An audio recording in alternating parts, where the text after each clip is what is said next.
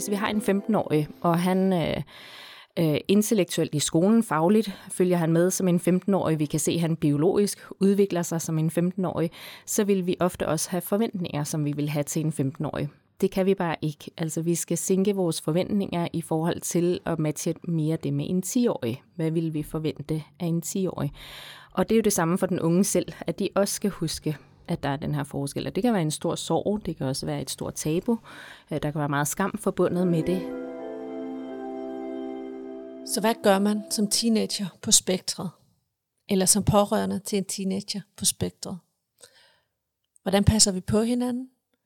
Og hvordan får man nogle coping-strategier, der gør det lidt mindre ensomt og opbygger selvværdet mere end det nedbryder det, når man er ung i et farvand af nye ting og nye forventninger, og måske også nye spirende seksuelle fantasier og tanker om sig selv og sin omverden. Det er det, vi skal snakke om i dag, og vi har besøg af Mads Lemme, der arbejder hos Molis med unge. Podcasten er produceret af Molis, et psykologhus, der er speciale i ADHD og autisme.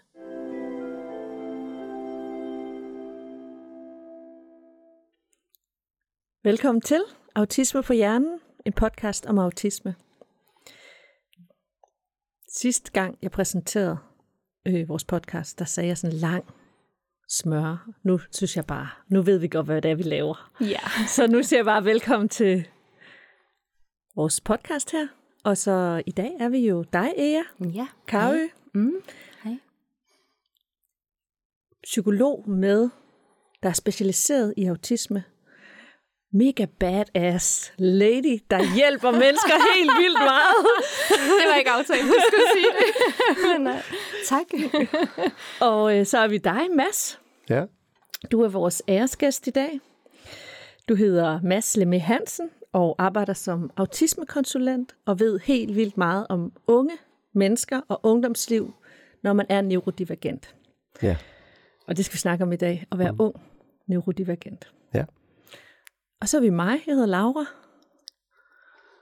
Vil jeg prøve at holde trådene i vores samtale.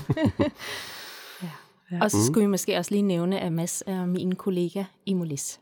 Yes, Ja. ja. fordi du har jo det her psykologhus, der hedder Molis, som hjælper på alle mulige måder og har alle mulige tilbud. Og en af dem, en af de tilbud er jo både unge grupper, som du har, ikke Mads? Ja. Og også en til en terapi og forløb hos dig. Mm. Og noget Dungeons and Dragons. Ja, der har været lidt forskellige ting, som, øh, som jeg har prøvet af. Øh, alt sammen rundt omkring unge mennesker, ikke? Øh, for at danne et fællesskab. Så øh, ja, lidt forskelligt. Fedt. Men før vi dykker ned i det at være ung på spektret, øh, så skal jeg da lige høre, hvordan går det her? Ja. Åh, oh, det er et stort spørgsmål at få. Øhm, jamen, den ene ting er, at, at, øh, at hjemme hos os er vi alle sammen syge. Jeg er stadigvæk lidt sløj, men, øh, men, men det går den rette vej. Så, øh, så det er dejligt at kunne være her i dag. Men hvis jeg lyder øh, lidt, lidt sløj, så er, jeg, så er det, fordi jeg er det, vil jeg bare lige sige. Øhm, og hvordan er det ellers gået siden sidst? Øhm, jeg har været på ferie med min familie, og, øh, og vi har været i Sydspanien, hvor at vi har været så heldige, at vi har haft mulighed for at købe et hus, og det var efter mange og lange overvejelser, øh, hvor at jeg kunne se både øh, privat, men også kunne jeg sådan forretningsmæssigt se en idé i, at jeg synes, at der manglede gode feriemuligheder for mennesker, der er berørt af autisme på den ene eller den anden måde. Øhm, og det har jeg, nu min søn 21 år, og jeg har savnet ja, øh, et, et godt sted at tage på ferie med ham i alle årene. Det er jo svært med ferie, det er anderledes, det er nye steder, det er ja, alt det modsatte af forudsigelighed og struktur og ensartethed og så videre. Øhm, så vi fik den her mulighed for at få et hus i Sydspanien, og der har vi været nede, og det har bare bekræftet mig i, at det var den helt rette beslutning. Altså, øhm, ja, for første gang i 21 år oplever jeg faktisk, at vi alle sammen er glade ved ferien, at vi alle sammen nyder det, at vi alle sammen får slappet af. Altså, at det ikke kun er de neurotypiske i familien, øhm, ja, så det, øh, det er det, der optager mig, det her med, altså, hvad er det for nogle rammer, der er behov for, og så min egen proces i det, og se, at nogle af de ting, jeg tænker, lykkes. Og sådan, den forretningsmæssige idé med at kunne tilbyde det til andre, det går så desværre meget langsommere. Der var jeg ikke klar over, at Spanien var så byråkratisk, som det er. Men, øh, men ideen er der stadigvæk, der bliver udviklet på den, og øh, ja, det, det er det, der optager mig lige nu. jeg Wow. faktisk sige. Så ja. hvor mange gange har I været der, før at han slappede af? Ja, jeg vil faktisk sige, at der skete nogle ting, sådan, så første gang vi var der, som var sidste sommer, øh, hvor vi lige havde overtaget det, der skulle vi have været der i kort tid, men der skete nogle ting, så det endte med, at vi faktisk var der en måned længere. Igen overhovedet ikke autismevenligt med sådan en øh, pludselig ændring. Men det betød faktisk, at fordi vi fik så lang tid dernede, så, øh, så var det allerede der, at han vendede sig til det. Så det med at se, at vi så hurtigt ved at være i de rigtige rammer, og at han ved, det er det sted, vi vender tilbage til, og så videre, at så er det faktisk der, at han, Øh, ja, at han hurtigt fandt roen og slappede af og så videre. Så det gik meget stærkere, end jeg havde regnet med. Men, øh, og det har vi ikke kunne gøre nogen andre steder. Så det er ret fantastisk at opleve. Wow, Mm. fedt. Ja. ja. Ja. Og hvad Ja. med dig, Laura? Jamen, øhm, jamen, altså jeg, øh, jeg har lige siddet og redigeret podcast med Sofie, Mm. som vi jo har lavet. Øh, og som nu, jeg tænker, når vi når, når, når du lytter til den her, så er Sofie kommet ud, ikke? Jo, Altså podcasten med ja. Sofie er kommet ud der. Men jeg har lige siddet og redigeret den, og det er jo bedre end alt det terapi, jeg kunne have gået i, eller har gået i. øh, fordi jeg ligesom, altså så sidder jeg der om morgenen og, og klipper og, og, og mixer lyd og sådan noget, og, så, og græder og sådan, ja, du har mistet dig selv, og det er så hårdt. Og sådan, altså, og, og bearbejder noget i mit eget liv jo, ikke ved at høre andres historier. Og jeg kan bare mærke, at jeg rykker mig. Altså, mm. at jeg sådan inde i mig selv rykker mig. Og det holdt da op, hvor har det stået stille længe i at være frustreret og vred, ked af det over nogle ting i vores livssituation, og hvor jeg kan mærke sådan, altså det giver virkelig en ro, at jeg kan arbejde med det her, at jeg kan ligesom tage noget, der har været svært at flytte det et nyt sted hen, ikke? Ja. Øh, og at jeg sådan, Nå, men der er jo der er jo mange med anderledes livsvilkår. Det er jo det, der ligesom går op for mig. Altså, fordi det kan man godt sige til hinanden. Jamen, vi er jo mange, men de er jo, det er jo fuldstændig usynligt. Mm. Fordi man sidder bare med sit eget lort til halsen. Ikke?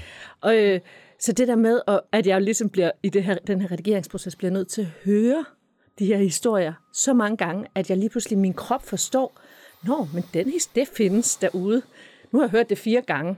Mm. Det findes, det er rigtigt, det min krop forstår. Og det der, det findes også den, den her måde at opleve det på. Og sådan, altså, jeg bliver bare mindre ensom på en eller anden måde, og jeg heler nogle ting, så det er, bare, det er bare så fedt at lave det her. Hvor er det dejligt at høre. Så man skal bare lytte til hvert afsnit fire gange. Ja. Eller sådan, så det sådan. ah, Ja. Fantastisk. Ej, det er skide godt. Ja. Mm. Og så, hvad, hvad med dig, Mads? Hvordan går det med dig? Har du haft en god morgen? Ja, tak. Den har været stille og rolig. Øhm, lige kom hjem fra ferie, så øh, det har været dejligt, men øh, omstillingsperioden, den er altid lige lidt hård de første par dage, synes jeg. Ja. Øh, så jeg tænkte, jeg skulle have en stille uge, da jeg kom hjem, men alle mine dage har været pakket fra jeg står op til at gå i seng. Så ja, jeg glæder mig til på søndag, der har jeg ikke nogen planer. Fedt. Ja. ja. Så hvad laver du, når du ikke har nogen planer?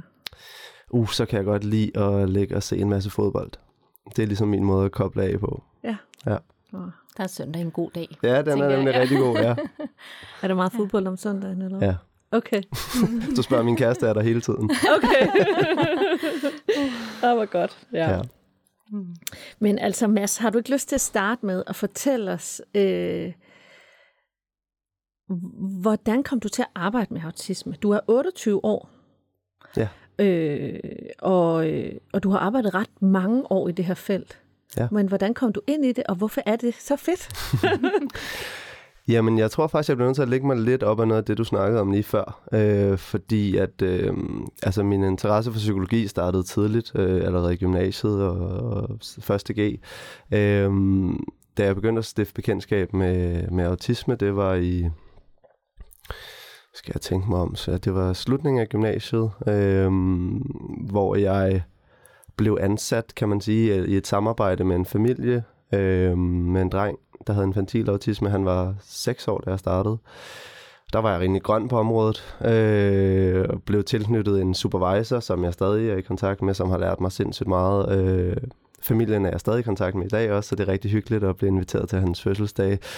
Men, men det var meget det her med, at øh, jeg skulle danne en relation til, til ham her drengen, og, og så skulle jeg lære ham nogle sociale koder og regelsæt igennem leg.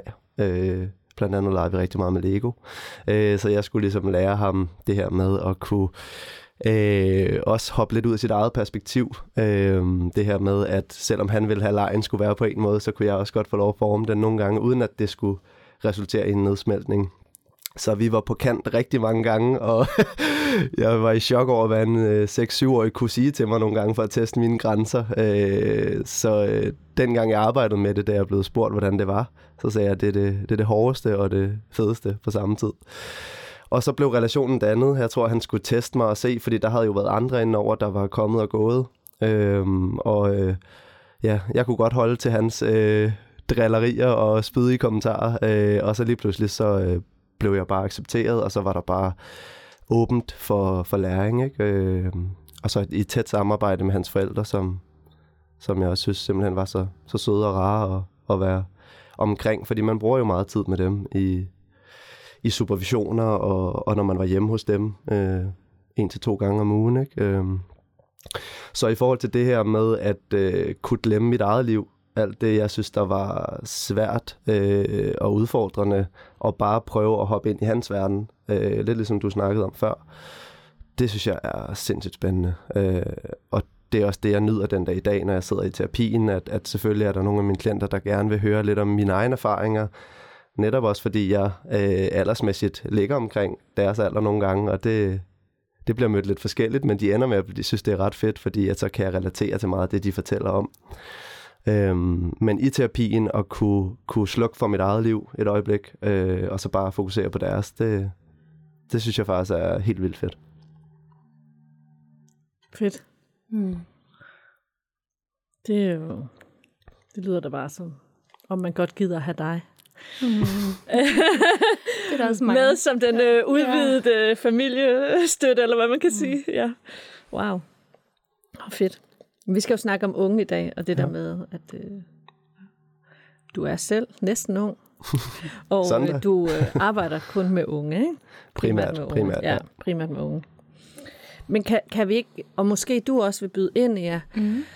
øh, fordi det at være teenager, uanset om du er neurodivergent eller helt normal, er jo en sårbar periode af livet, fordi det, man har taget for givet før, det, der forventes af en, og det, man kan forvente af de andre, det flytter sig.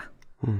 Så man, altså man forventningerne til hinanden flytter sig. Ens krop forandrer sig. Der er mange ting. Det er en sårbar periode. Det er også en mm. fed periode, hvor verden åbner sig, hvor nye ting bliver vigtige. Øhm, men hvor I adskiller det at være neurodivergent og være neurotypisk og gå ind i teenageåren. Kan man sige noget generelt om det? Mm. Det kan man godt. jeg ved ikke, om jeg skal starte. Altså, øh, man kan sige, noget af det, jeg synes, der er allervigtigst, når jeg får nye forløb i gang, nye klienter ind, øh, og de er unge, øh, det er at, at gennemgå en, øh, lidt omkring stressniveauet med dem. Øh, kan godt, jeg arbejder meget visuelt, så jeg har altid min computer stående med nogle øh, PowerPoint-slides. Øh, det synes jeg er fedest, øh, fordi at så er der noget, vi kan henvise til, og så skal de ikke bare sidde og kigge på mig. Det kan også være lidt udfordrende. Øh, så jeg har faktisk noget slide, som vi også bruger i vores kurser, øh, hvor jeg faktisk starter med at vise sådan en, øh, du kan sikkert huske den, jamen, hvor der står stressniveau i livsfaserne, og så har man øh, barndom og ungdom og voksenår, ikke? hvor man ligesom ser sådan en kurve, hvor den er markant højst i, i ungdommen. Ikke? Og så bruger jeg ligesom det som en indgang til at sige, jamen, og den er universel, den gælder alle øh, diagnoser eller ej. Øh, så der er ligesom en grund til, at de unge skal blive lyttet til, og selvfølgelig de unge, vi har, som jeg også siger, når man så har en diagnose oveni, man skal lære at navigere i, så kan vi lige hæve den til det dobbelte næsten på, på det her stressniveau. Øh, øh, og det hænger jo lidt sammen med, hvordan hjernen fungerer. Øh, vi snakker jo meget om den her forsinkede hjernemodning i forhold til frontallapperne.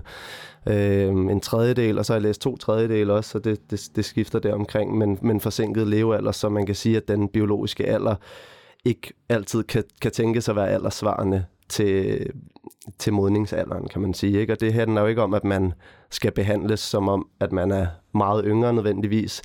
Men der er nogle områder i hjernen, som, som jo ikke er modnet lige så langt, kan man sige. Og det giver nogle udfordringer, særligt i de eksekutive funktioner, og når vi snakker social afkodning af fællesskaber og, og sådan noget. Så det er typisk, øh, vil jeg sige, altså så kan man jo så kan man jo snakke om, at de unge, vi får ind, synes jeg, det er meget forskelligt, hvor de er socialt. Altså, og den der øh, fordom om, at øh, folk med autisme ikke kan være sociale, den passer i hvert fald ikke. Øhm, men vi snakker jo et, et spektrum forståelse, kan man sige. Ikke? Og nogen synes, det er det værste i verden, og nogen fungerer i det, men lider så under, hvor energikrævende det er. Altså det sociale? Det sociale. Ja.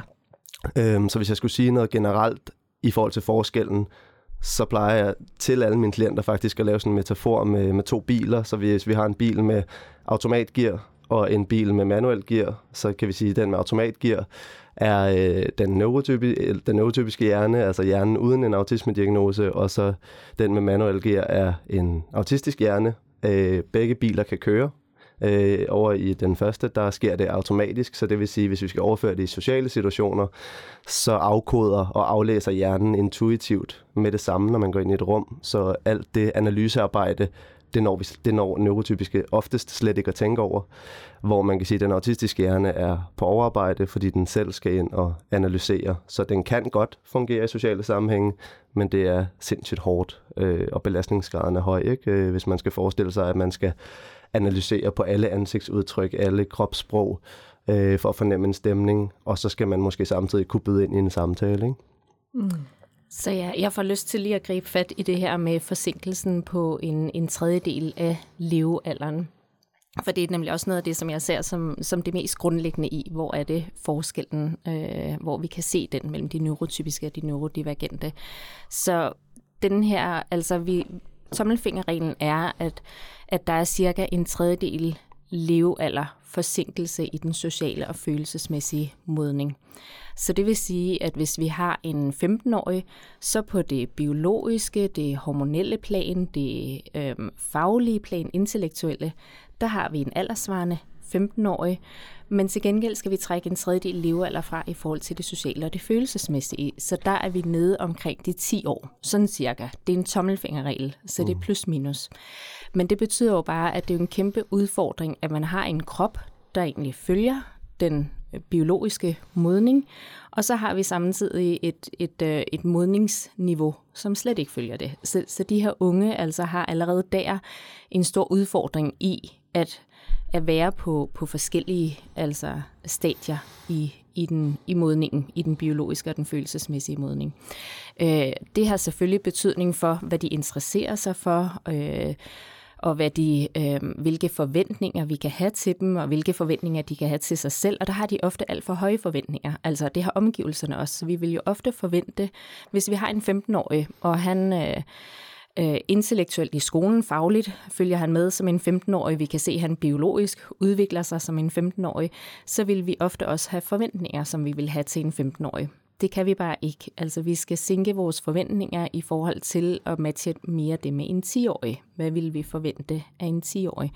Og det er jo det samme for den unge selv, at de også skal huske, at der er den her forskel. Og det kan være en stor sorg, det kan også være et stort tabu. Øh, der kan være meget skam forbundet med det, at man ikke er. Men, men mange unge oplever, at der hvor de andre begynder at interessere sig for... Øh, for det seksuelle og for fester og så videre, løsrive sig fra forældrene og alle de ting. Der har vi unge, der står tilbage og egentlig stadigvæk synes, at det fedeste er at få lov til at sidde og lege med Lego, eller øhm, ja, være sammen med forældrene, eller hvad det nu end kan være. Så det er jo noget af den forskel, vi ser i det. Øhm, og samtidig så lige netop i forhold til det sociale, som Mads nævnte, der er jo rigtig mange, der utrolig gerne vil det sociale, og faktisk også har brug for det, men kan have rigtig svært ved det. Så enten at man har svært ved at indgå i det sociale, eller som Mads siger, det kan være meget, meget energikrævende, altså at det koster utrolig meget energi. Og der har vi så en anden tommelfingerregel, der siger, at når man har været i social i x antal tid, så kræver det dobbelt så lang tids restitution. Så hvis man har været social i tre timer, og der er man henne i skolen for eksempel, tre timer skolegang, det er at være social, øh, så, så skal vi bruge øh, seks timers restitution efterfølgende. Og restitution er faktisk ikke søvn, når vi, når mm. vi taler her. Altså restitution er at sidde og dimse med sin særinteresse eller sin specialinteresse. Det er at ja, øh, sidde med sin iPad. Altså det er at lave de aktiviteter, hvor, at, hvor man slapper af og hvor man er alene. Så det er også bare for at sige, at det kan være rigtig, rigtig svært i et ungdomsliv faktisk at få den her restitutionstid. Altså i forhold til, hvad der kræves af timer i skolen og kræves øh, socialt osv., så, videre. så, øh, så allerede der bliver stressbelastningen også meget påvirket af, at man faktisk ikke får den restitutionstid, man har brug for. Er det kun i ungdommen, man har den her tommelfingerregel, eller er det hele livet? Det er altså... hele livet. okay. Det er hele livet, ja. Det er, hmm. det er sådan en tommelfingerregel, man skal tænke over hele livet som neurodivergent. Forskellen er måske bare, at, at når man så bliver voksen og forhåbentlig har, har fået nogle redskaber til at implementere det i sin hverdag, så kan man selv styre det. Øh, jeg sidder tit med, med forældre og skal prøve at fortælle dem, at når deres barn har været i skole, øh, som du selv siger, hvis man har været i skole 3 timer, nogen er jo i skole i 6-7 timer, skal bruge en time på transport hver vej, øh, og så forstår forældrene ikke, at, at øh, deres barn ikke lige kan gå en tur med hunden, når de kommer hjem. Ikke? Hvor, hvor jeg også nogle gange bliver nødt til at snakke med dem lidt om, hvor sætter vi kravene, øh, hvor er belastningsgraden, øh, og netop det her med at sige, jamen vi kan både sætte for høje krav, øh, og vi kan sætte for lave krav, og begge dele er skidt, så vi skal ramme det der midterpunkt, hvor at man stimulerer på en fin måde, øh, og de må gerne blive udfordret. Øh, men for eksempel, når vi snakker øh, energiniveau, så bruger jeg rigtig meget tid på at, at nævne det hvilende netværk, altså default mode network med dem, som er det her område i hjernen, som bliver aktiveret, når vi, når vi ligesom restituerer på en særlig måde, hvor vi bruger mindst mulig kognitiv energi. Øh, fordi når jeg spørger de unge, jamen, hvordan kobler du af, så får jeg svaret for mange af drengene, jeg har, øh, jeg spiller computer. Mm. Og så siger jeg ja, øhm, men det er jo ikke sådan en aktivitet, vi faktisk leder efter, lige når du kommer hjem efter en lang dag. Øh, det er så fint, du vil spille computer, det kan du gøre lidt senere, men vi vil faktisk gerne have en øh, aktivitet, der kræver endnu mindre. Øh, fordi når man spiller computer, og de fleste af dem, øh, enten spiller de jo øh, konkurrence, et eller andet øh, skydespil, eller hvor man skal slå nogle andre, så er hjernen på arbejde, eller også så sidder de måske og kommunikerer med andre online imens så bruger man også ressourcer på det. Øhm, så jeg arbejder rigtig meget med de unge med, at når de kommer hjem efter deres skole eller arbejde eller hvad det er, så prioriterer sådan en halv times tid Øh, jeg plejer at sige til dem, det er lidt ligesom at børste tænder, det synes vi heller ikke er skide fedt, men øh, vi gør det ligesom for at passe på vores tænder. Det er det samme med hjernen. Hvis vi laver sådan en aktivitet, når vi kommer hjem, så kan det godt være, at det ikke er den, vi synes, der er aller sjovest. Øh, men hvis vi kan mærke en forskel, og hvis vi så øh, stadig kan få tid til alt det andet, øh, så er det rigtig godt givet ud i forhold til både vores nervesystem og vores stressniveau. Så hvad, er det, hvad kunne det være for nogle aktiviteter helt konkret? Ja, det er jo meget forskelligt, fordi jeg, jeg prøver jo altid at ramme ind i noget, som de synes er nogenlunde fedt eller interessant. Øh, det kan være at komme hjem og smide sig under dynen med en kop te og smide en lydbog i ørerne, og så er det det, man fokuserer på. Øh, jeg har faktisk også en del, der tegner. Jeg har øh, en del, hvor jeg anbefaler sådan nogle dot-to-dot, hvis I kender dem øh, med tallene, hvor det så danner et mønster mm. til sidst, ikke? fordi det kræver meget lidt at bare finde det næste tal, og så kan de høre noget øh, imens. Øh, så kan man sige, altså øh, meditation af alle mulige former, øh, musik, øh, yoga, mindfulness, der er rigtig meget. Øh, der er mange, når jeg siger meditation, så sidder de allerede sådan og, og skræller øjnene, ikke? Øh, men, men som jeg siger meditation, når jeg snakker om meditation, så kan det godt være bare at ligge sig ned på gulvet, øh, og sætte en alarm, lægge den væk, sætte den til et kvarter, og så bare lade tankerne flyde, eller ligge og høre på øh, noget af det her ASMR, de her lydfiler af noget hav, eller noget regn, eller et eller andet. Øh, fordi så skal hjernen kun forholde sig til det. Mm. Øh, og så der er nogen, der siger, det er jo kedeligt. så siger jeg, jamen det må gerne være lidt kedeligt lige den her halve time, fordi alt det, du laver ud over, det stimulerer dig rigeligt. Mm. Altså det, det lyder jo også, jeg kan ikke lade være at tænke på det der med, at man som forældre, hvis man er neurotypisk, ikke? Og man, eller bare, altså alle forældre, tror jeg, de er jo bekymret for deres børns ved og vel, ikke? Og når man så ser, altså når man så har et barn på 15, lad os sige det, men der opfører sig som en 10-årig. Altså man kan ikke stille krav svarende til, øh, og måske, altså, øh, jamen, der sker så meget med hjernen, også noget med, hvad kravafvisning, det giver jo mening nu. Ja. altså det giver jo mening, når, når I præsenterer den tommelfingerregel, hvorfor man bliver meget kravafvisende. Det er jo, hvis man hele tiden overskrider den grænse, man aldrig får restitueret. Ikke? Mm. Så til sidst, så kan man jo kun sige nej til alting. Mm. Ja, og jeg tror også, at jeg lige får lyst til at sige, undskyld, Laura, Ja, at, at i forhold til, at, at vi har tommelfingerreglen med restitution, vi har den her en tredjedel øh, levealder øh, forsinkelse i, i den følelsesmæssige modning, øh, at, at der tror jeg også, at mange bliver overrasket over, altså hvad der så egentlig er energi til i løbet af en mm. dag. Øh, og vi, øh, altså, vi har også den her ske-teorien. Øh, skal, skal jeg uddybe Ja, den, ja. ja. Øhm, hvor at øh, den, den handler egentlig, det var en, øh, en kvinde med, jeg tror det var sklerose eller noget lignende, til en start, som, øh, som prøvede at forklare en veninde på en café, hvorfor at hun godt kunne have energi til at sidde med veninden på caféen, men ikke havde et arbejde. Og, og så sagde hun, at jeg vågner op, og jeg har 12 skier på en dag. Og det var, fordi hun sad på en café. Hun kunne lige nå de skeer, der var på bordene. Og så kunne hun sådan visualisere det med, at jeg har de her 12 skeer, og du har måske 50 skeer, eller du har altså 100 skeer, og jeg har kun 12 skeer. Så når jeg står op om morgenen, så har jeg allerede brugt en ske der. Altså, når jeg har sendt børnene i skole, så har jeg brugt en ske på det. Når jeg sidder her sammen med dig, så har jeg brugt tre skeer på det. Og, og, så, og på den måde altså visualisere, at når man så børster tænder, bruger man skeer. Når man ja, øh, skal lave aftensmad, spise aften og så videre. Og så er det altså meget hurtigt tydeligt, at der ikke er energi til det hele, at det hele tiden er en prioritering imellem, hvad vil jeg have energi til. Ja. Så det er skidteorien. Øhm, og det er jo bare der, hvor vi ser med unge, at kontrasten er størst, fordi at i ungdommen for neurotypiske unge er farten ekstrem høj. Altså, der sker rigtig meget. Der er rigtig meget socialt fællesskab. Der er altså fart på, og man øh, pingpong, og også, altså også bare det, altså bare snakken mellem unge går enormt hurtigt, og, og neurodivergente unge kan ikke følge med til det, fordi at de skal lige netop ind og og høre det, det skal bearbejdes, det skal vendes, man skal finde ud af, hvad man skal sige, det skal analysere. Ja, det skal ja. virkelig skiftes, og det går, det tager bare længere tid, altså. Mm. Øhm, og så er det rigtig svært at følge med som ung. Mm. Og, og fra mit eget liv kan jeg fortælle, at, øh, at, at min søn William, han er, øh, han er på STU nu, en særligt tilrettelagt ungdomsuddannelse. Og det er første gang efter folkeskolen, øh, han gik øh, i, i specialskole, men det er første gang efter folkeskolen, hvor vi har haft størst indflydelse på at tilrettelægge, øh, tilrettelægge den skolegang, der egentlig passer ham bedst. Og øh, nu er han på tredje år, så vi har haft lang tid til det, og det er to timer om dagen. Det er det, han går i skole, og det er det, der er energi til, for at der også er energi til alt det andet. Altså for at der er energi til, at han kan... Øh, at han kan gå tur hver dag og få frisk luft, at han kan komme i bad hver dag, at han kan ja, øh, være social med sine venner online og så videre. Altså, mm. så, øh, og det er bare for at sige, at for nogen, der lyder to timer ingenting, men vi kan bare se, at energimæssigt, eller med de antal skære, han har, så er der ikke plads til mere, men han er i trivsel, og jeg synes, det var så fint, at det som Masser sagde, for lidt er ikke godt, og for meget er heller ikke godt, fordi for lidt, så bliver vi ikke stimuleret, det kan faktisk være enormt stressende at ligge i sin seng hele dagen. Mm. Det kan godt være, at det ikke lyder stressende, men det kan være enormt stressende.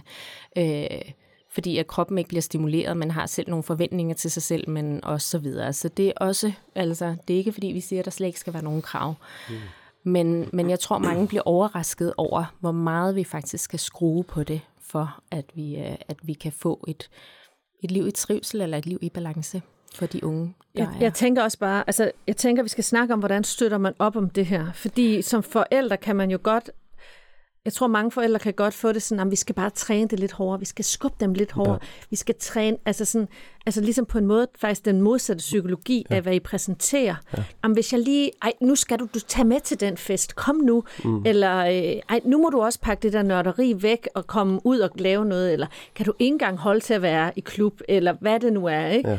Øhm, Ej, det er så godt, du siger det, for det er lige netop det, jeg synes, vi hører så meget. Og, og vi skal bare tænke på, at, at med alt det pres, vi kommer til at lægge på, der får vi en topstresset hjerne. Altså vi har simpelthen en hjerne, der svømmer i kortisol, mm. i vores stresshormon.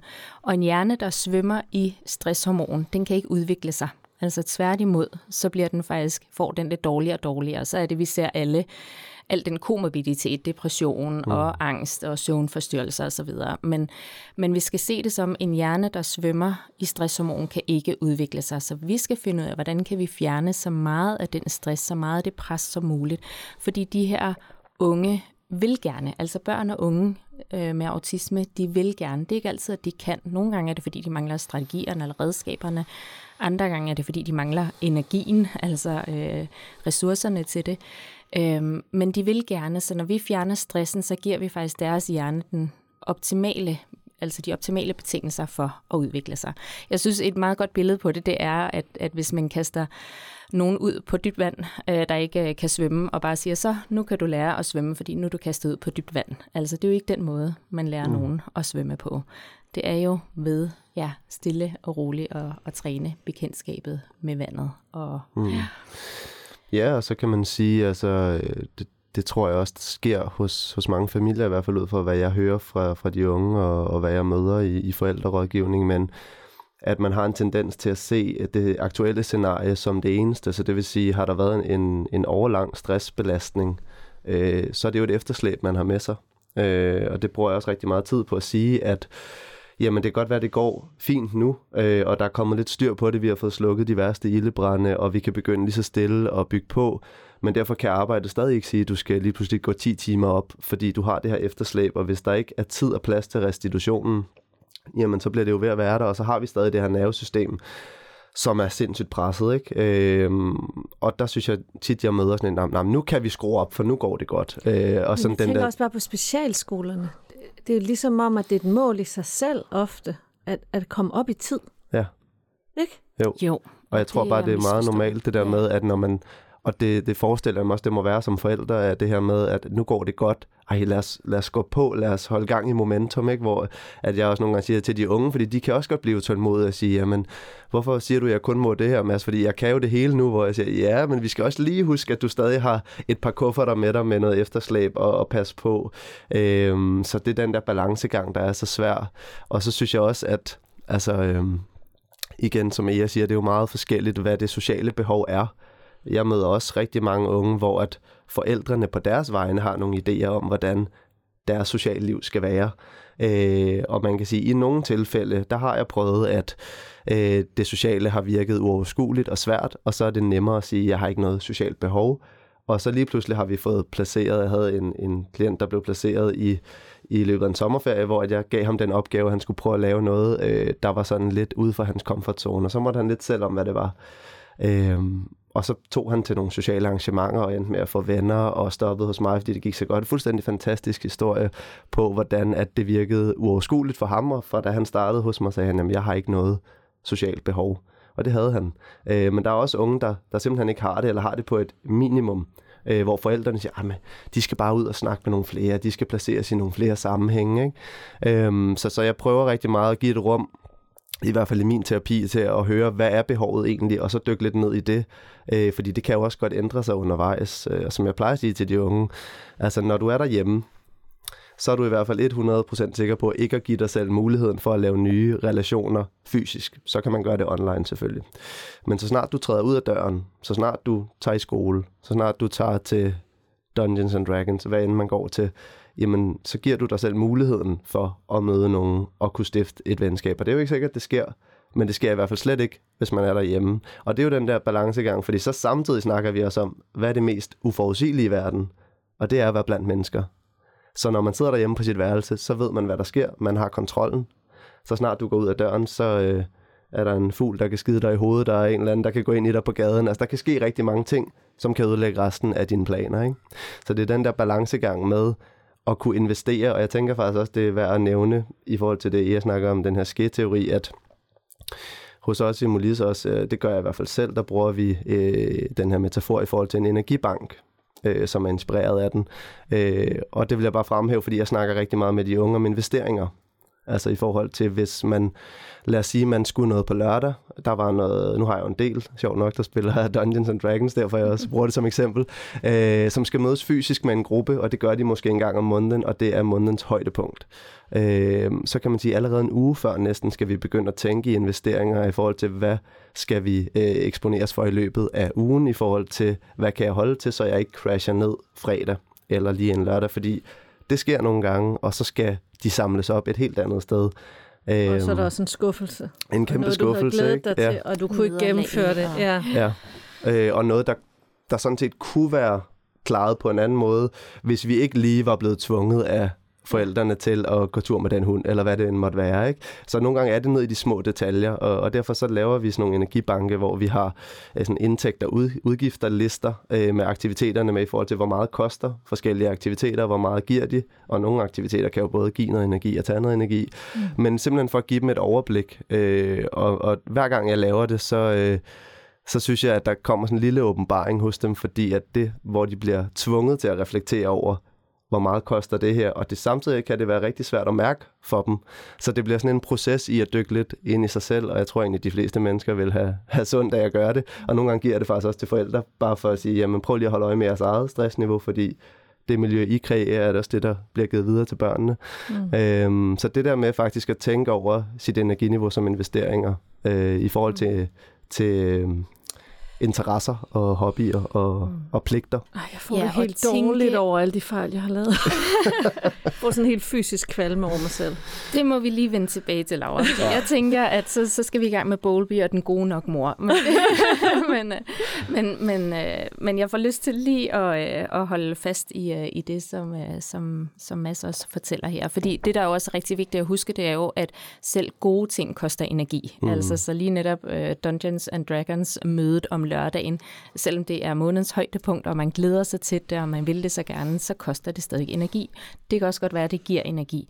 Men det med at holde øje med sit energiregnskab, altså hvad der er af indtægter og hvad der er udgifter, og så tænke lige netop, der er noget, der er investering, der er noget, der er opsparing, mm. der er også noget, der er overtræk. Altså så det, mm. man kan jo begynde at planlægge ud fra, det er, okay, så har den her store ting om lørdagen det er ikke altid nemt at opspare energi på forhånd. Man kan prøve at tilrettelægge en uge, der gør, at man ikke er, er helt i underskud, når man kommer frem til lørdag. Men ofte vil det være sådan, så er det måske søndag og mandag, man er mm. i, i minus og skal, skal indhente det overtræk, der er lavet på kontoen. Så det ja. der med sådan, at at tænke det øh, som en balance, men også at det ikke er hver dag, der skal være balance mm. på kontoen. Det er okay, at det går lidt op og ned. Nogle dage er der større overskud end andre, nogle dage er der overtræk, men der skal ikke være overtræk syv dage i træk. Altså det er der ikke nogen, mm. der kan holde til for eksempel. Og så får jeg lyst til at vende tilbage til, at, at du sagde, at målet i skolen ofte er at komme op i tid. Altså det er jo sådan, det er fremmødet, det er det, at man er i skole og så videre, der rigtig meget bliver kigget på. Og det tænker jeg, der har vi jo også en lovgivning, som gør det svært, fordi, at, mm. fordi der er skolepligt eller undervisningspligt. Øhm, hvor jeg kunne meget mere tænke mig, at målet egentlig var trivsel. Fordi mm. at selvom man er øh, seks timer i skolen, så lærer man ikke noget, hvis ens øh, energiniveau egentlig kun er til to timer. Mm. Altså, så får vi ikke mere udvikling, hverken øh, fagligt eller personligt eller noget andet. Øhm, og, og det er jo, jeg tror også, det var derfor, jeg nævnte med min søns STU, fordi det er jo der, hvor vi endelig har fået, nu kan vi tilrettelægge rammerne. Nu er der ikke sådan et overordnet mål om, at det skal være at følge et fuldt schema øh, fem dage om ugen. Øhm, og, øh, og det kunne da være en drøm for mig, altså på, på politisk niveau. Hvordan kan vi få trivsel i fokus? Altså at, at tage hensyn til, at, øh, at man har færre skeer, altså man har mindre energi til en hel dag.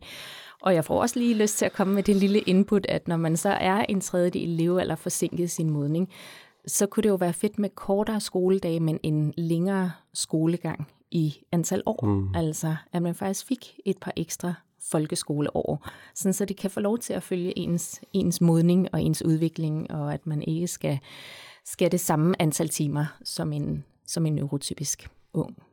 Giver det mm. mening? Det giver da vildt god mening. Ja. og så er der jo en ting... God det. God det. ja. Så er der en ting, vi slet ikke har nævnt endnu, som, som jeg tænker spiller enormt meget ind, når vi snakker stressniveau i skoler, altså sanseapparat. Øh, vi, jeg bruger tit ordet sanse overload for ligesom at beskrive, hvor voldsomt det er, det der egentlig sker i den autistiske hjerne. Ikke? Der mangler den her filtrering.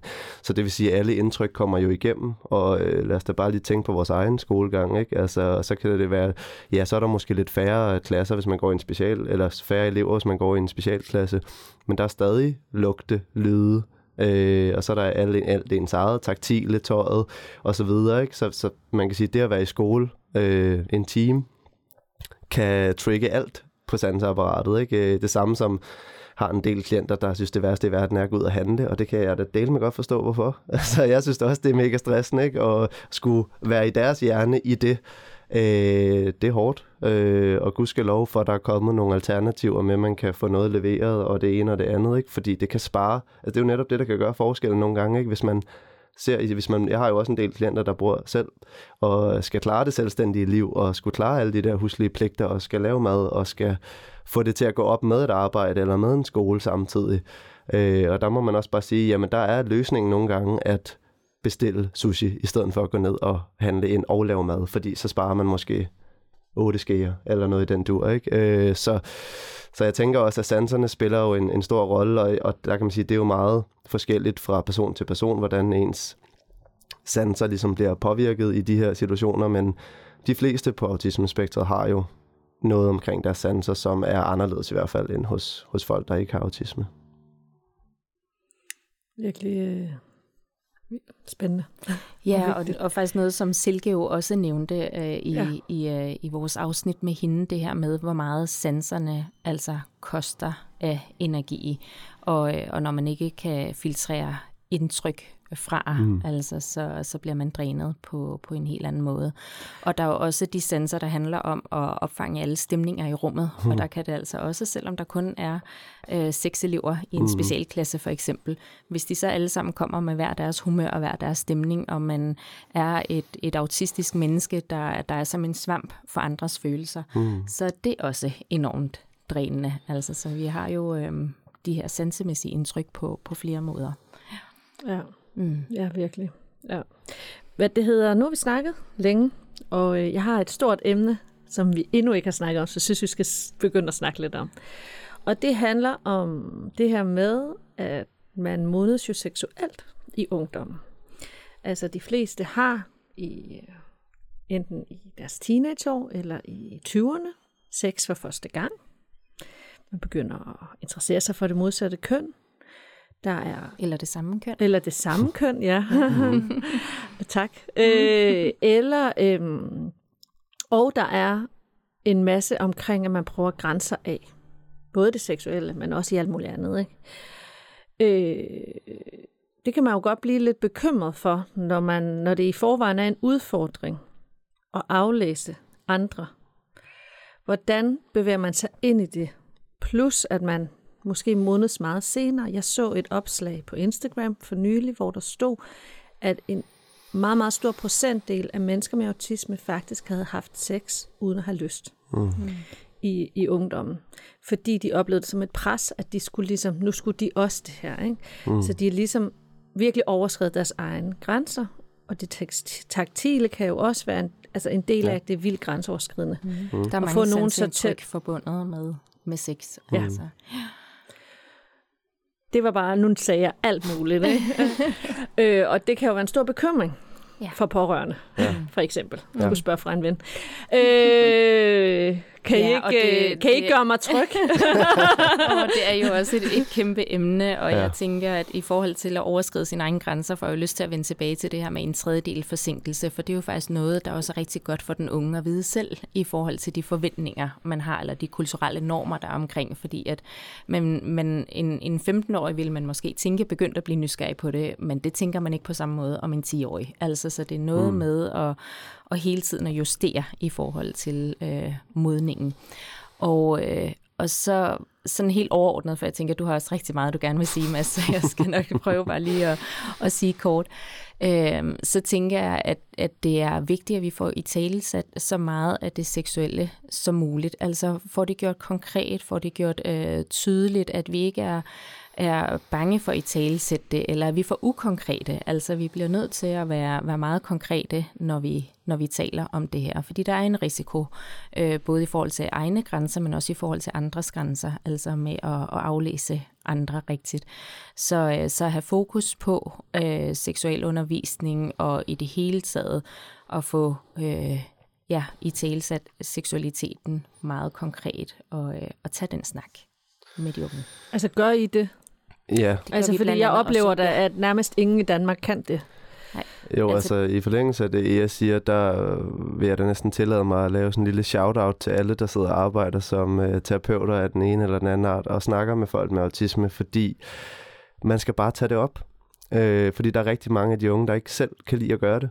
Uh, og jeg har selv haft en enorm øh, god erfaring med at, at spørge ind til det, åbne op, og så kan det være, at der er nogen, der siger, der er jeg slet ikke endnu, og så øh, fint, så lægger vi det væk. Og Hvordan så er der, spørger du helt konkret? jamen, Jeg tror, lige det her emne, der skal vi have det meget konkret. Ja. Mm. Øhm, jamen for eksempel så, øh, noget af det første, jeg gør, når jeg får nye klienter ind, det er, at jeg siger, at jeg gerne prioriterer vores relationsdannelse lidt. Jeg vil gerne lære dem at kende. Øh, jeg kan godt lide at, at lave sådan en isbjerg med dem, og så prøve at få skrevet alt det op, der fylder. Øh, og så viser jeg samtidig et eksempel, øh, som de kan blive inspireret af og, og kigge lidt på. Øh, og der står 40 forskellige ting. Øh, og et af dem er seksualitet. Øh, og så har jeg faktisk bare gjort det som en vane, når de sidder og gennemgår, at jeg spørger ind til sådan, hvordan er det i forhold til køn, hvordan er det i forhold til seksualitet? Øh, er det noget, du tænker meget på, at det er noget, øh, der kunne være relevant at tale om? Så er der nogen, der ligesom siger, nå, det ved jeg ikke lige, og så går der fem samtaler, og så vil de rigtig gerne tale om det. Øh, og der er nogen, der griber den allerede der, øh, og så er der jo selvfølgelig også nogen, der virkelig ikke er der. Øh, men jeg tænker bare, nu øh, prøver jeg også at følge lidt med på forskellige autismeforer, og de unge, øh, altså de unge med autisme er jo de reelle eksperter, og høre, hvad de siger, og hvad de savner. Øhm, og det bliver man jo meget inspireret af også. Øh, og så tænker jeg i hvert fald bare at give muligheden for at kunne have et rum, hvor man kan tale med en om det, der ikke fordømmer en, og hvor der ikke er nogen, skal vi sige, negative konsekvenser ved at fortælle nogle intime ting, fordi det kan der være til venner eller familie, Plus at min erfaring så også er, at der er mange af de her familier, der er så belastet, at, at der ikke bliver tid af overskud til at tage de her snakke med de unge. Ikke? Så mm. jeg synes faktisk, der er rigtig mange af mine, der er rigtig glade for at have det rum, hvor vi kan dykke ned i meget, meget intime detaljer, eller bare snakke seksualitet og kønsopfattelser generelt, for det fylder bare også inden for det her område. Ja, og lige netop i forhold til øh, unge øh, autistiske mennesker, der er forskellen også, at unge menneskers seksualitet ofte udvikles i fællesskabet med andre jævnaldrende. Så det er med, med jævnaldrende, at man snakker om det, griner og bliver klogere på det. Og sådan. Men rigtig mange øh, autistiske unge mennesker har ikke jævnaldrende, de kan snakke med det om. Det kan være, at det er fordi, at de øh, går direkte hjem efter skole, eller det sociale er svært, eller drænende, eller andre ting. Så vi har en kæmpe udfordring i, at det eneste sted, at de faktisk sådan kan opsøge viden om det, det er på internettet. Mm. Det vil ofte være porno eller andre ting, der ikke er øh, retvisende for, for det seksuelle. Og, øhm, og det som, altså, vi kan jo både åbne snakken med også faktisk at undersøge, lige så vel som vi kan undersøge, er du autist, eller har du autisme? Øh, er du hun mm. og hende? Er du ham og, og han? Er du den eller det og de? Eller altså, hvor er du henne i forhold til din, øh, til din kønsidentitet, men også, også jo dine seksuelle præferencer? Øhm, og jeg har været med til at bidrage til en bog, øh, som er skrevet af Louise Elund Jensen, der hedder Fordi jeg har lyst. Den er så god. Ja, det hedder den godt. øh, fordi jeg har lyst, og jeg har skrevet, øh, øh, Louise Egelund Jensen er, er selv autist og har skrevet om, øh, om seksualitet fra hendes vinkel, og, og jeg har så skrevet de faglige bidrag til bogen. Og i forlængelse af den er der også lavet øh, materiale, som man kan øh, downloade gratis fra internettet. Og der er blandt andet en lang liste over alt, hvad der er omkring seksualitet, og det kan være en rigtig god måde at åbne op på, fordi at en ting er at spørge, hvad vil du gerne altså, snakke om omkring seksualitet? Det kan være rigtig svært, når man har autisme og, og svare på. Og er neurotypisk for Og er neurotypisk, ja. altså, som menneske. Præcis, ja. ja. Og det kan jo både være svært, fordi man ikke aner det, men det kan også bare være svært, fordi det er grænseoverskridende at få de ord ud altså på, på sine læber og så videre. Øhm, men så når vi har den her liste, så kan vi sige fra 0 til 10, hvor meget optager det her der, eller hvor meget stresser det der, eller hvor meget du er nysgerrig på det. Altså vi kan jo måle fra 0 til 10, alt efter hvilken, øh, hvilken skala, øh, der giver mening, om det er, ja, det optager mig, eller det har jeg det svært med, eller hvad for en skala vi nu tager udgangspunkt i, så, så, så kan vi simpelthen gennemgå den liste punkt for punkt. Okay. Øh, det kan være lige fra hygiejne, altså bekymring for, at jeg selv lugter, eller bekymring for, at den anden lugter. Det kan være noget med, jeg ved ikke, altså jeg er ikke interesseret i det seksuelle, eller jeg øh, kan ikke lide øh, berøring, eller jeg er nysgerrig på øh, blowjob, eller altså hvad det, det, er en, det er en lang liste med alt, hvad der ligesom kan ligge inden for det område. Det kan være en måde at åbne snakken op på, fordi så får vi indblik i, om det kan faktisk godt være, at det slet ikke er noget med hygiejne, der fylder men det er noget helt andet. Det kan også godt være, at det nærmest kun er hygiejnen, der fylder, så det er den, vi tager udgangspunkt i. Oh, Ja. Fedt. Så, så det, kunne være, det, det kunne være en mulighed for sådan helt konkret, hvordan Mm. gør man det? Mm. Ja, og jeg synes jo også, at, at emnet omkring øh, altså selvværd hører ind under det her i forhold til grænsesætning. Ikke? Øh, man kan sige, og for lige at runde den af, så har jeg jo også mange unge, der ved det her spørgsmål siger, øh, det ved jeg ikke, for jeg har ikke nogen erfaringer. Hvilket er helt reelt jo. Øhm, og så tager vi udgangspunkt i det og snakker om det, er det noget, du gerne vil have? Øh, er det noget, vi skal arbejde hen imod, at du kan få af den ene eller den anden årsag? Og bare sådan et øh, sådan en ting som flirten, altså hold da ferie, hvor er det svært at skulle forklare os øh, til nogle af de her unge mennesker, der slet ikke forstår det, og slet ikke kan afkode det. Øhm, så der har jeg nogle gange på sådan lidt på må og få prøvet at stykke min egen erfaring sammen til nogle, nogle PowerPoint slides, der også hviler lidt ud fra en, øh, en autismeforståelse af, af hjernen og den her nedsatte sammenhængsforståelse, der også kan fylde i sociale sammenhænge. Øhm, for simpelthen at prøve at give dem nogle redskaber til, hvad skal man kigge efter for at vide, om folk flytter med en. Fordi hvis det går fuldstændig hen over hovedet på en, så er det jo også svært at få de her erfaringer, øh, hvis man faktisk er i nogle situationer, hvor der er nogen, der er interesseret. Øh, så det var bare et eksempel på noget, jeg tænker, der er komplekst, og som øh, de fleste mennesker vil kunne sætte et par ord på, hvad vil det sige at flytte, og hvordan opdager jeg, om folk flytter med mig. Øh, men det er, sådan et, det er meget diffust, synes jeg, for mange af de her unge mennesker med autisme, som jeg snakker med, øh, hvis der ikke er nogen erfaringer omkring det. Ikke? Så det her med grænsesætning er noget, jeg prioriterer meget højt. Øh, i forhold til seksualitet, og, og generelt også bare i forhold til, øh, vi ser, ser sådan et ret tydeligt mønster i, at jo, jo lavere selvværd man har, jo sværere har man ved at sætte grænser. Øh, fordi så tænker man, at det er bare mig, der er mærkelig, eller sippet, eller sådan, og hvis de andre gør det, så er det det rigtige at gøre, ikke? Og der skal man også huske, jeg har også nogle unge, der går primært sammen med øh, folk, der ikke har, auti- øh, har autisme eller andre diagnoser, og så er det jo dem, de spejler sig i, apropos det, jeg sagde. Øhm, og det er jo sådan lidt en ulig spejling, kan man sige, fordi det, det vil være meget, meget svært at følge med i det, og hvis man skal følge med i det, så vil man nok ende med at overskride sine egne grænser på den ene eller den anden måde, hvilket jo godt kan få nogle negative konsekvenser også, øh, sådan når man bliver ældre og tænker tilbage på og alt det omkring sex og sanser, og der er så meget på spil, øh, så det er så vigtigt, at man har nogle gode oplevelser med det. Øh, så det er et øh, enormt vigtigt emne, og ja, det, det er bare rigtig vigtigt at give et rum til at tale om det, tror jeg. Mm. Og så skal vi også være opmærksom på, at der kan være en forsinkelse i, at man kan mærke sig selv, hvilket også har stor betydning på det seksuelle område. Mm. Så det kan være rigtig svært, øh, når, man, når man har autisme, at, at mærke sig selv, og der kan være en forsinkelse i det, og det er faktisk nogle gange er flere timer senere, mm. at man egentlig kan mærke, hvordan man havde det i en given situation eller med en bestemt ting. Så, så en vigtig strategi at lære er egentlig også, at man gerne må sige nej tak eller stop nu og her. Altså at, øh, at hvis man ikke kan mærke, hvordan man har det, eller man er i tvivl, så er det bedre at stoppe, fordi så kan det være, at det er seks timer senere, men lige skulle mærke, det har jeg ikke lyst til. Og viser det sig, at man havde lyst til det, så er det altid muligt, at man kan ja, øh, opsøge det igen. Men, men det, er, det er vigtigt, at man er opmærksom på, at man måske ikke nu er her kan mærke sig selv Mm. og sine grænser. Og, og altså selv for, altså for alle unge mennesker er det her jo svært. Altså, og for voksne er det også nogle gange svært. Ikke? Øh, som, og man kommer jo til at lave fejl, og man kommer jo til at være kikset, mm. og man kommer jo til at være pinlig, Mm. og man kommer til at få sit hjerte knust måske. Ja. Øhm, Der er i det hele taget rigtig mange ting, som jo er uden for komfortzonen, og som er uforudsigelige, altså, og som indebærer en stor risiko for fejl og nederlag. Og det er noget af det, der er allersværest, når vi har med autisme at gøre. Det hele den her, altså tolerancetærsklen for, for usikkerhed er langt lavere, når man er neurodivergent, end når man er neurotypisk. Så man kan ikke, altså, man, man har en stor intolerance over for usikkerhed. Øhm, ja, og, og ungdommen er en lang periode med usikkerhed. ja.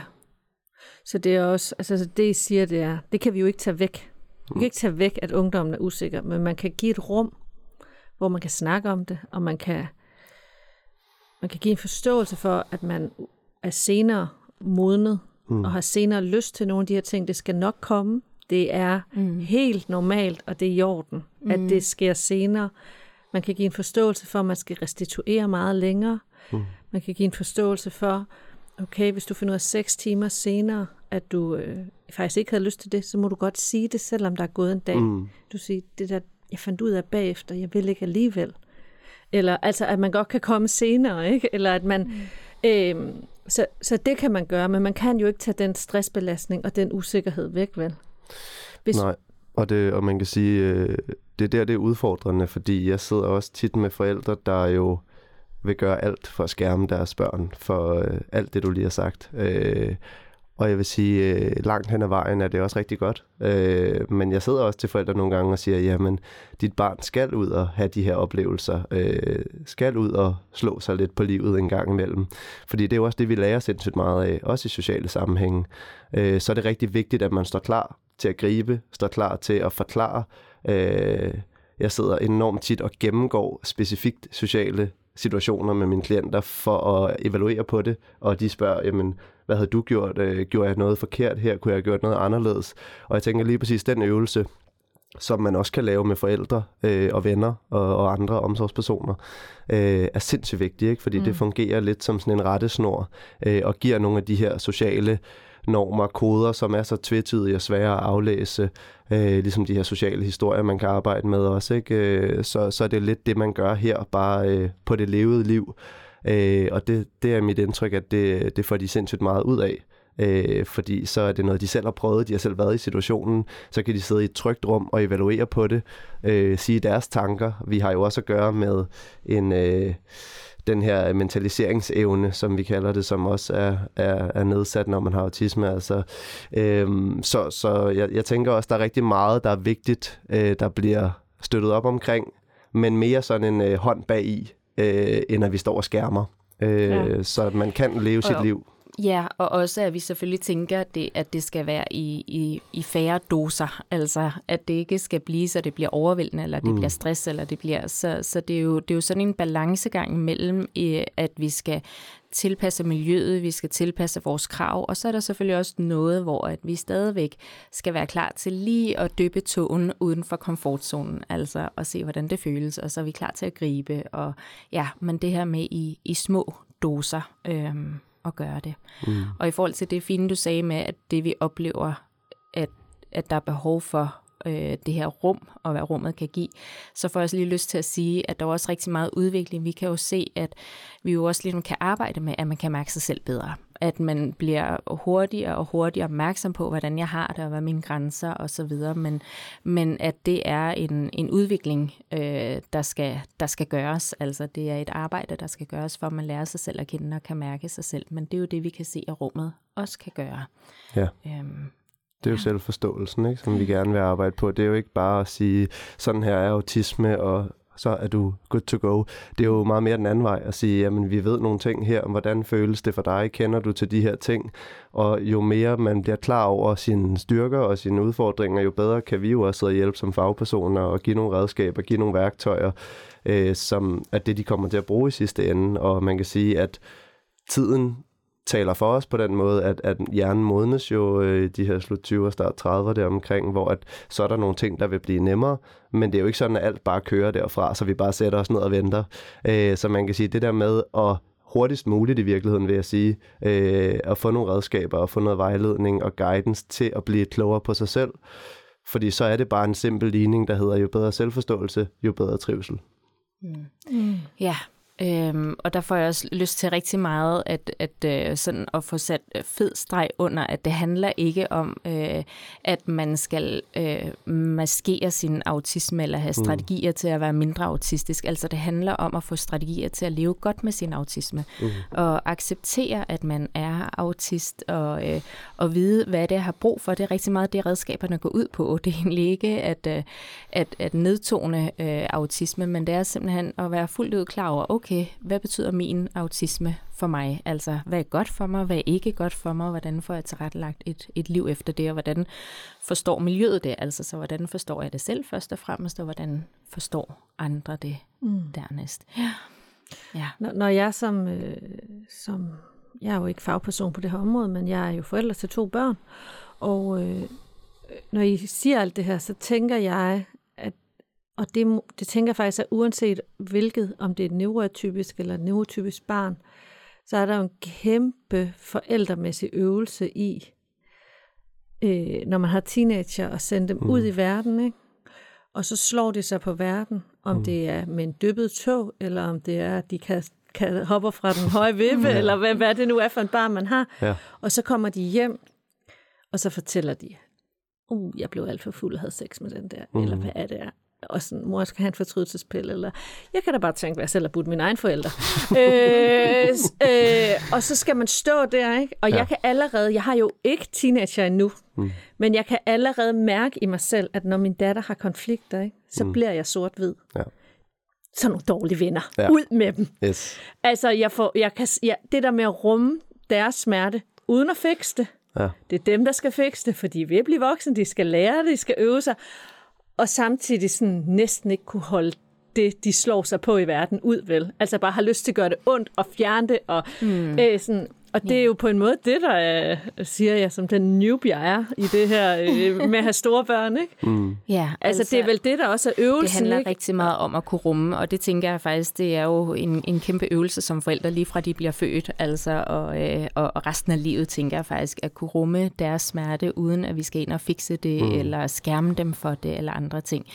Øhm, så, så jeg tænker, at hvis man har brug for en trøst selv, så er det også noget med at tænke, at at det at opleve smerte, opleve forpinthed, det bliver jo lettere, når man deler det med nogen, når der er nogen, der rummer det. Så det er jo det, vi kan som forældre, det er, at vi kan lette lidt ved at være med dem i det. Mm. Øhm, og, og, og jeg tror, at, at altså, det vil være en, det er en stor øvelse, men det gør hele forskellen, at vi som forældre er parate til at gå med hen det smertefulde sted og bare være der. Øhm, hvis vi forestiller os, at, øh, at barnet eller den unge sidder på bunden af en brønd, altså helt nede i mørket, dybt nede, så vil de fleste forældre have lyst til at sådan øh, distrahere, trøste, fikse Altså, og, øh, og sige, ah, men det der var jo også godt, eller det her, eller ja, det er også dem, der er forkert, eller andre ting.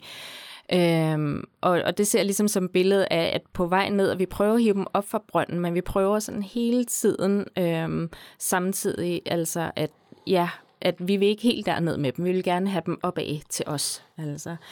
Og vores opgave er faktisk at gå hele vejen ned i brønden og sidde der med dem i mørket, så længe de har brug for det. Og så når de selv er parat, så begynder de at gå op, og så kan vi gå efter dem. Altså så kan vi lige netop finde det gode i, at det var sejt, du prøvede det der, eller ja, øhm, det har jeg altså næste gang, så prøver vi at gøre det på den her måde, eller hvad det nu end kan være. Men ikke før de er parate til det. Altså vi er også helt tilbage til kirkegård, man skal møde mennesker det sted, de er, altså mm. der, hvor de står. Så ned og sid i brønden med dem, sid i mærket, mærk smerten, vær der, altså rum det. Og så skal de nok, der er ingen, der bliver siddende i, i bunden af brønden for evigt. Altså de skal nok selv sige til, når de er parate til og, øh, og få andre perspektiver med ind. Og så er det det, vi kan støtte op om stille og roligt og komme op der igen. Ja, og, og støtte op omkring, at det er okay at smide de her maskeringer. Øh, og det er jo også noget af det, vi kan prøve at hjælpe med, fordi det er jo nogle gange unge mennesker, der har maskeret det meste af deres liv. Øh, de kan ikke tillade sig at vise, at de er sårbare, for eksempel. Øh, og så til første samtale inde hos mig bryder de fuldstændig sammen hulkende, fordi de så lige pludselig har et sted, hvor der ikke er konsekvenser ved at gøre det. Øh, så, så man kan sige, noget af det, jeg snakker med dem om, det er, at ja, maskering er en enorm god social strategi, altså for øh, at passe på sig selv og for at passe ind, øh, men den er så hård og opslidende, øh, og det er noget, man skal arbejde med at kunne minimere os, altså at kunne være i verden uden at skulle det, øh, hele tiden i hvert fald. Øh, så det tænker jeg også, der er et stort arbejde i, og det kan vi selvfølgelig hjælpe på vej, øh, men som, som alt det andet, vi gør, så kan vi kun vise vejen. Det er jo de unge, der selv skal gå den, ikke? Øh, og jeg synes bare tit, at jeg får nogen ind, der øh, sådan noget, et begreb som sårbarhed er så langt fra dem, fordi de bare har skulle passe på sig selv for en, for en tidlig alder, og der har ikke været plads til at snakke om følelser, og været det rum til at kunne fortælle om alt det, der var mærkeligt, og alle de følelser, der var anderledes end det, man så. Øhm, så jeg tænker også, altså det der med at, at få nogle brækker til at falde på plads, øh, uden at det behøver at betyde, at man bliver et svagere menneske, fordi man kan tillade sig at vise de her følelser. I hvert fald omkring sin nærmeste, øh, enten sin partner eller sine forældre eller et eller andet. Det synes jeg, der er en vigtig øvelse i, fordi det skal man kunne der, før at man kan brede det ud. Ikke? Mm. Ja. Og jeg får lyst til at vende tilbage til, Laura, at du udbrød. Ej, jeg Jamen, har jeg- gjort alt det forkerte. og jeg tænker, at, at det tænkte jeg, at den tager vi, Laura. Ja, og ja, samtidig tænker jeg, at det kan jo være, at der er nogen, der sidder og lytter til det her, der får den samme Mm. følelse. Altså, så Det er derfor der. tænkte Det jeg tror jeg, egentlig, der er. at Hej derude. Vi er flere. vi mødes der der den dag. ja. ja. Nej. Øhm, Jamen, flere gange har jeg da lige sådan fået lidt tår i øjnene. mm, Øh, også det der billede med brønden, og det der billede med den der hjerne, der svømmer i kortisol. Puh, det rammer mig virkelig. Altså, Mm. Og så er det så vigtigt ja. ja. at sige, at livet, vi, vi handler jo ud fra det, vi ved nu og her. Så det er jo rigtig vigtigt, at lige så vel som de unge gør deres bedste, så gør vi som forældre også vores bedste. ja. Og at hjernen er plastisk, altså hjernen er helt fantastisk på ganske, ganske kort tid. Mm. Ja, hvor Ja. du bliver helt... ja. Hvad er det, Laura? Ja. Men det er jo også, altså det er jo ikke kun dårlige tårer. Mm. Det er jo også, altså det, det er jo også det der med, at når man forstår nye ting, så kan man gøre nye ting. Ja. Men før man gør nye ting, eller samtidig med, at man prøver at gøre nye ting, og det er jo helt sådan fejl, så opdager man jo, altså så, så, så sørger man også over alt det, man ikke vidste. Ja. Eller, Ja. eller at man ikke forstod, eller at man gjorde forkert, fordi man var optaget ja. af et eller andet ligegyldigt lort et eller andet Ja. gang i sin fortid. Ikke? Altså, altså øh, ja. så, og det er, jo også, det er jo også bare en del af det. Ikke? Altså, ja. Men det er jo Ja. også derfor, at øh, altså, det er jo rigtig vigtigt at, at gribe forældrene nogle gange også, ikke? I vores, øh, altså, i vores forældrerådgivning, og, og jeg plejer også at, at sige til dem, jamen altså, hvis I først går helt ned, øh, og ikke har et rum, hvor I kan komme ind og ventilere og komme ud med noget af alt det her, jamen, så går det jo også ud over barnet, ikke? Øh, så jeg plejer faktisk også at sige til mine forældrerådgivning, at det her skal være et trygt rum, hvor I gerne må sidde og sige, hvor fucking hårdt det hele er. Øh, og at det hele er noget lort, og at I ikke ved, hvordan I skal klare det. Fordi det kan I sige i det her rum, det er jeres rum. Mm. Og så jeg plejer jeg lidt at give det her billede med ballonen, ikke? hvis der bliver ved, ved at puste luft ind i den, og vi ikke får lukket noget luft ud, jamen så springer den på et tidspunkt. Ikke? Øhm, så det er rigtig vigtigt, tror jeg, som forældre, og nogen kan jo gøre det indbyrdes, og nogen kan gøre det i terapi, nogen kan gøre det med veninder, uanset hvor man gør det, øh, og kunne ventilere. Fordi det er ikke kun de unge, det er også øh, mega hårdt at være forældre. Og det er jo sådan en learning by doing, ikke? Altså Mm. man, og som vi siger til de unge, whatever works, og det siger jeg også til forældrene, whatever works i en mega stressbelastet hverdag, altså, og vi skal også lige passe på jer og have jer med, og ja, det er, det er nogle tunge byrder, der bliver løftet af, af de her forældre. mm. Og når man, når man får ny viden, og man kommer til at tænke tilbage på det, man selv føler, man har gjort forkert, eller man skulle have gjort anderledes, eller man har været optaget af noget andet, som du siger, Laura, så, så tænker jeg også, at øh, ud over, at, at man jo manglede altså øh, viden og, og, og de redskaber, der ligger i, i den viden, øhm, så er det jo også, at, at vi er i et samfund, hvor at vi jo også bliver påvirket af de normer, der er. Og der er jo blandt, altså, og det er jo det, vi hele tiden prøver som forældre også at, øh, at leve op til, at det er vigtigt, at barnet går i skole, og det er vigtigt, at øh, barnet er der fuldtid, og der er, jo, der er jo alle mulige forventninger til, hvordan at øh, et rigtigt liv og et rigtigt Mhm. forældreskab ser ud. Og det kan vi ikke øh, frigøre os fra. Men det er jo det, jeg håber på, at vi lige netop ved at få en diagnose og får en, en, et nyt sprog for det, og en ny forståelse for det, at så kan vi lige netop meget bedre jo se på vores situation, hvad der er brug for i den, og ikke ud fra et normativt liv, mm. altså hvordan det almindeligvis ser ud. Øhm, Ja. og jeg tænker, at, øhm, at vi begår alle sammen fejl, først og fremmest. Og så kan det jo også være en rigtig god snak at have med sit barn. Altså, der kan være enormt helende i at vende tilbage og sige, at jeg er blevet klogere her. Altså, dengang, da jeg pressede dig til det, jeg ville ønske, jeg ikke havde gjort det. Altså, i dag kan jeg se, at det havde været meget bedre, at jeg havde lyttet til, at du sagde, du ikke kunne. For eksempel. Altså, ja. Ja. Ja. Mm. Det er rigtigt. Ja. Lad os slutte af. Mm. Vi har snakket lidt over en time. Det har været så spændende. som sagt. Det er ren terapi, det her. øhm, Og terapi er slutte også af? en hård omgang. Ja. ja. Nej, altså, øh, er der noget, I sådan, er der noget, I har lyst til at slutte af med at sige til, hvis der sidder en ung med autisme derude? Hvad, Ja. ja. Tal med nogen. Øh, altså, som sagt, for nogen skal det være professionelt, for andre kan det være en onkel eller en ven, eller nogen, man lidt lettere kan relatere sig til, eller en tante, der også er lidt speciel, eller hvad ved jeg, ikke? Altså det der med ikke at gå med det hele selv, og, og skulle gå med en følelse af, det, er- det er mig, der skal fixes. Øh, det er mig, der skal ændres. Øh, det tror jeg nemmest, man møder, og hvis man nu er en ung, der ikke har så mange venskaber, og ikke har så mange omkring sig, ud over sin familie, som man måske så nogle gange heller ikke fortæller alt til, øh, så kan man mangle det rigtig meget. Øh, så ja, uanset hvem det er, så bare det der med at kunne tale med nogen, fordi det er jo også i mødet, altså når vi får sat ord på tingene, når vi hører, hvad andre reagerer på det, vi siger, det danner os jo også helt vildt meget og giver os noget ny viden og noget til at arbejde videre med. Øhm, så det synes jeg næsten er, er mit vigtigste budskab, tror jeg. ja. Og jeg får også lige lyst til at, at sige noget afsluttende. Jeg får lyst til, at hvis der sidder en ung derude og synes, at det er hårdt lige nu, så får jeg lyst til at sige, at det bliver bedre. Altså, ungdomslivet er, nu siger jeg det bare, fucking hårdt. Mm.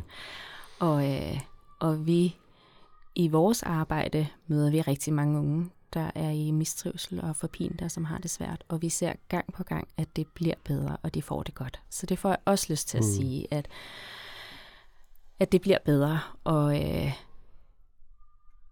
og det falder på plads. Altså de ting, der er svært. Det bliver godt. Ja. Mm. Lad os slutte med det.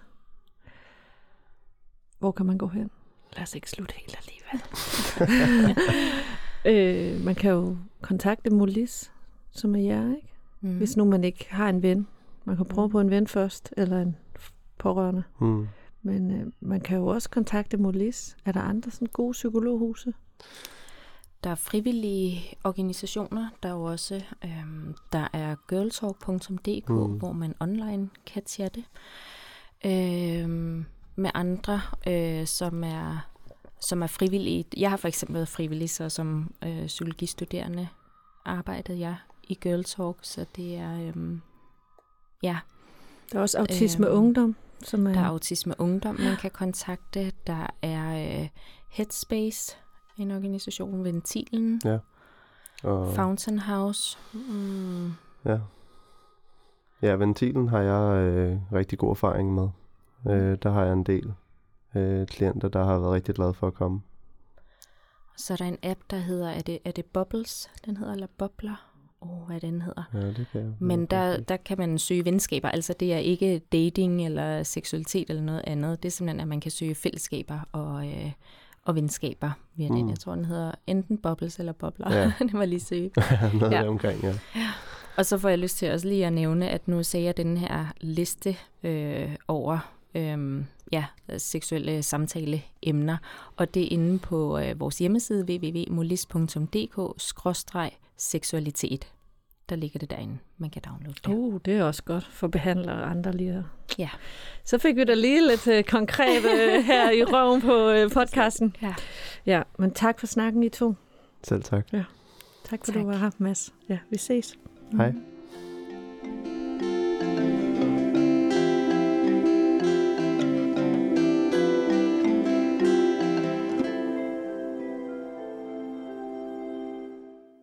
Du har lyttet til podcasten Autisme på hjernen.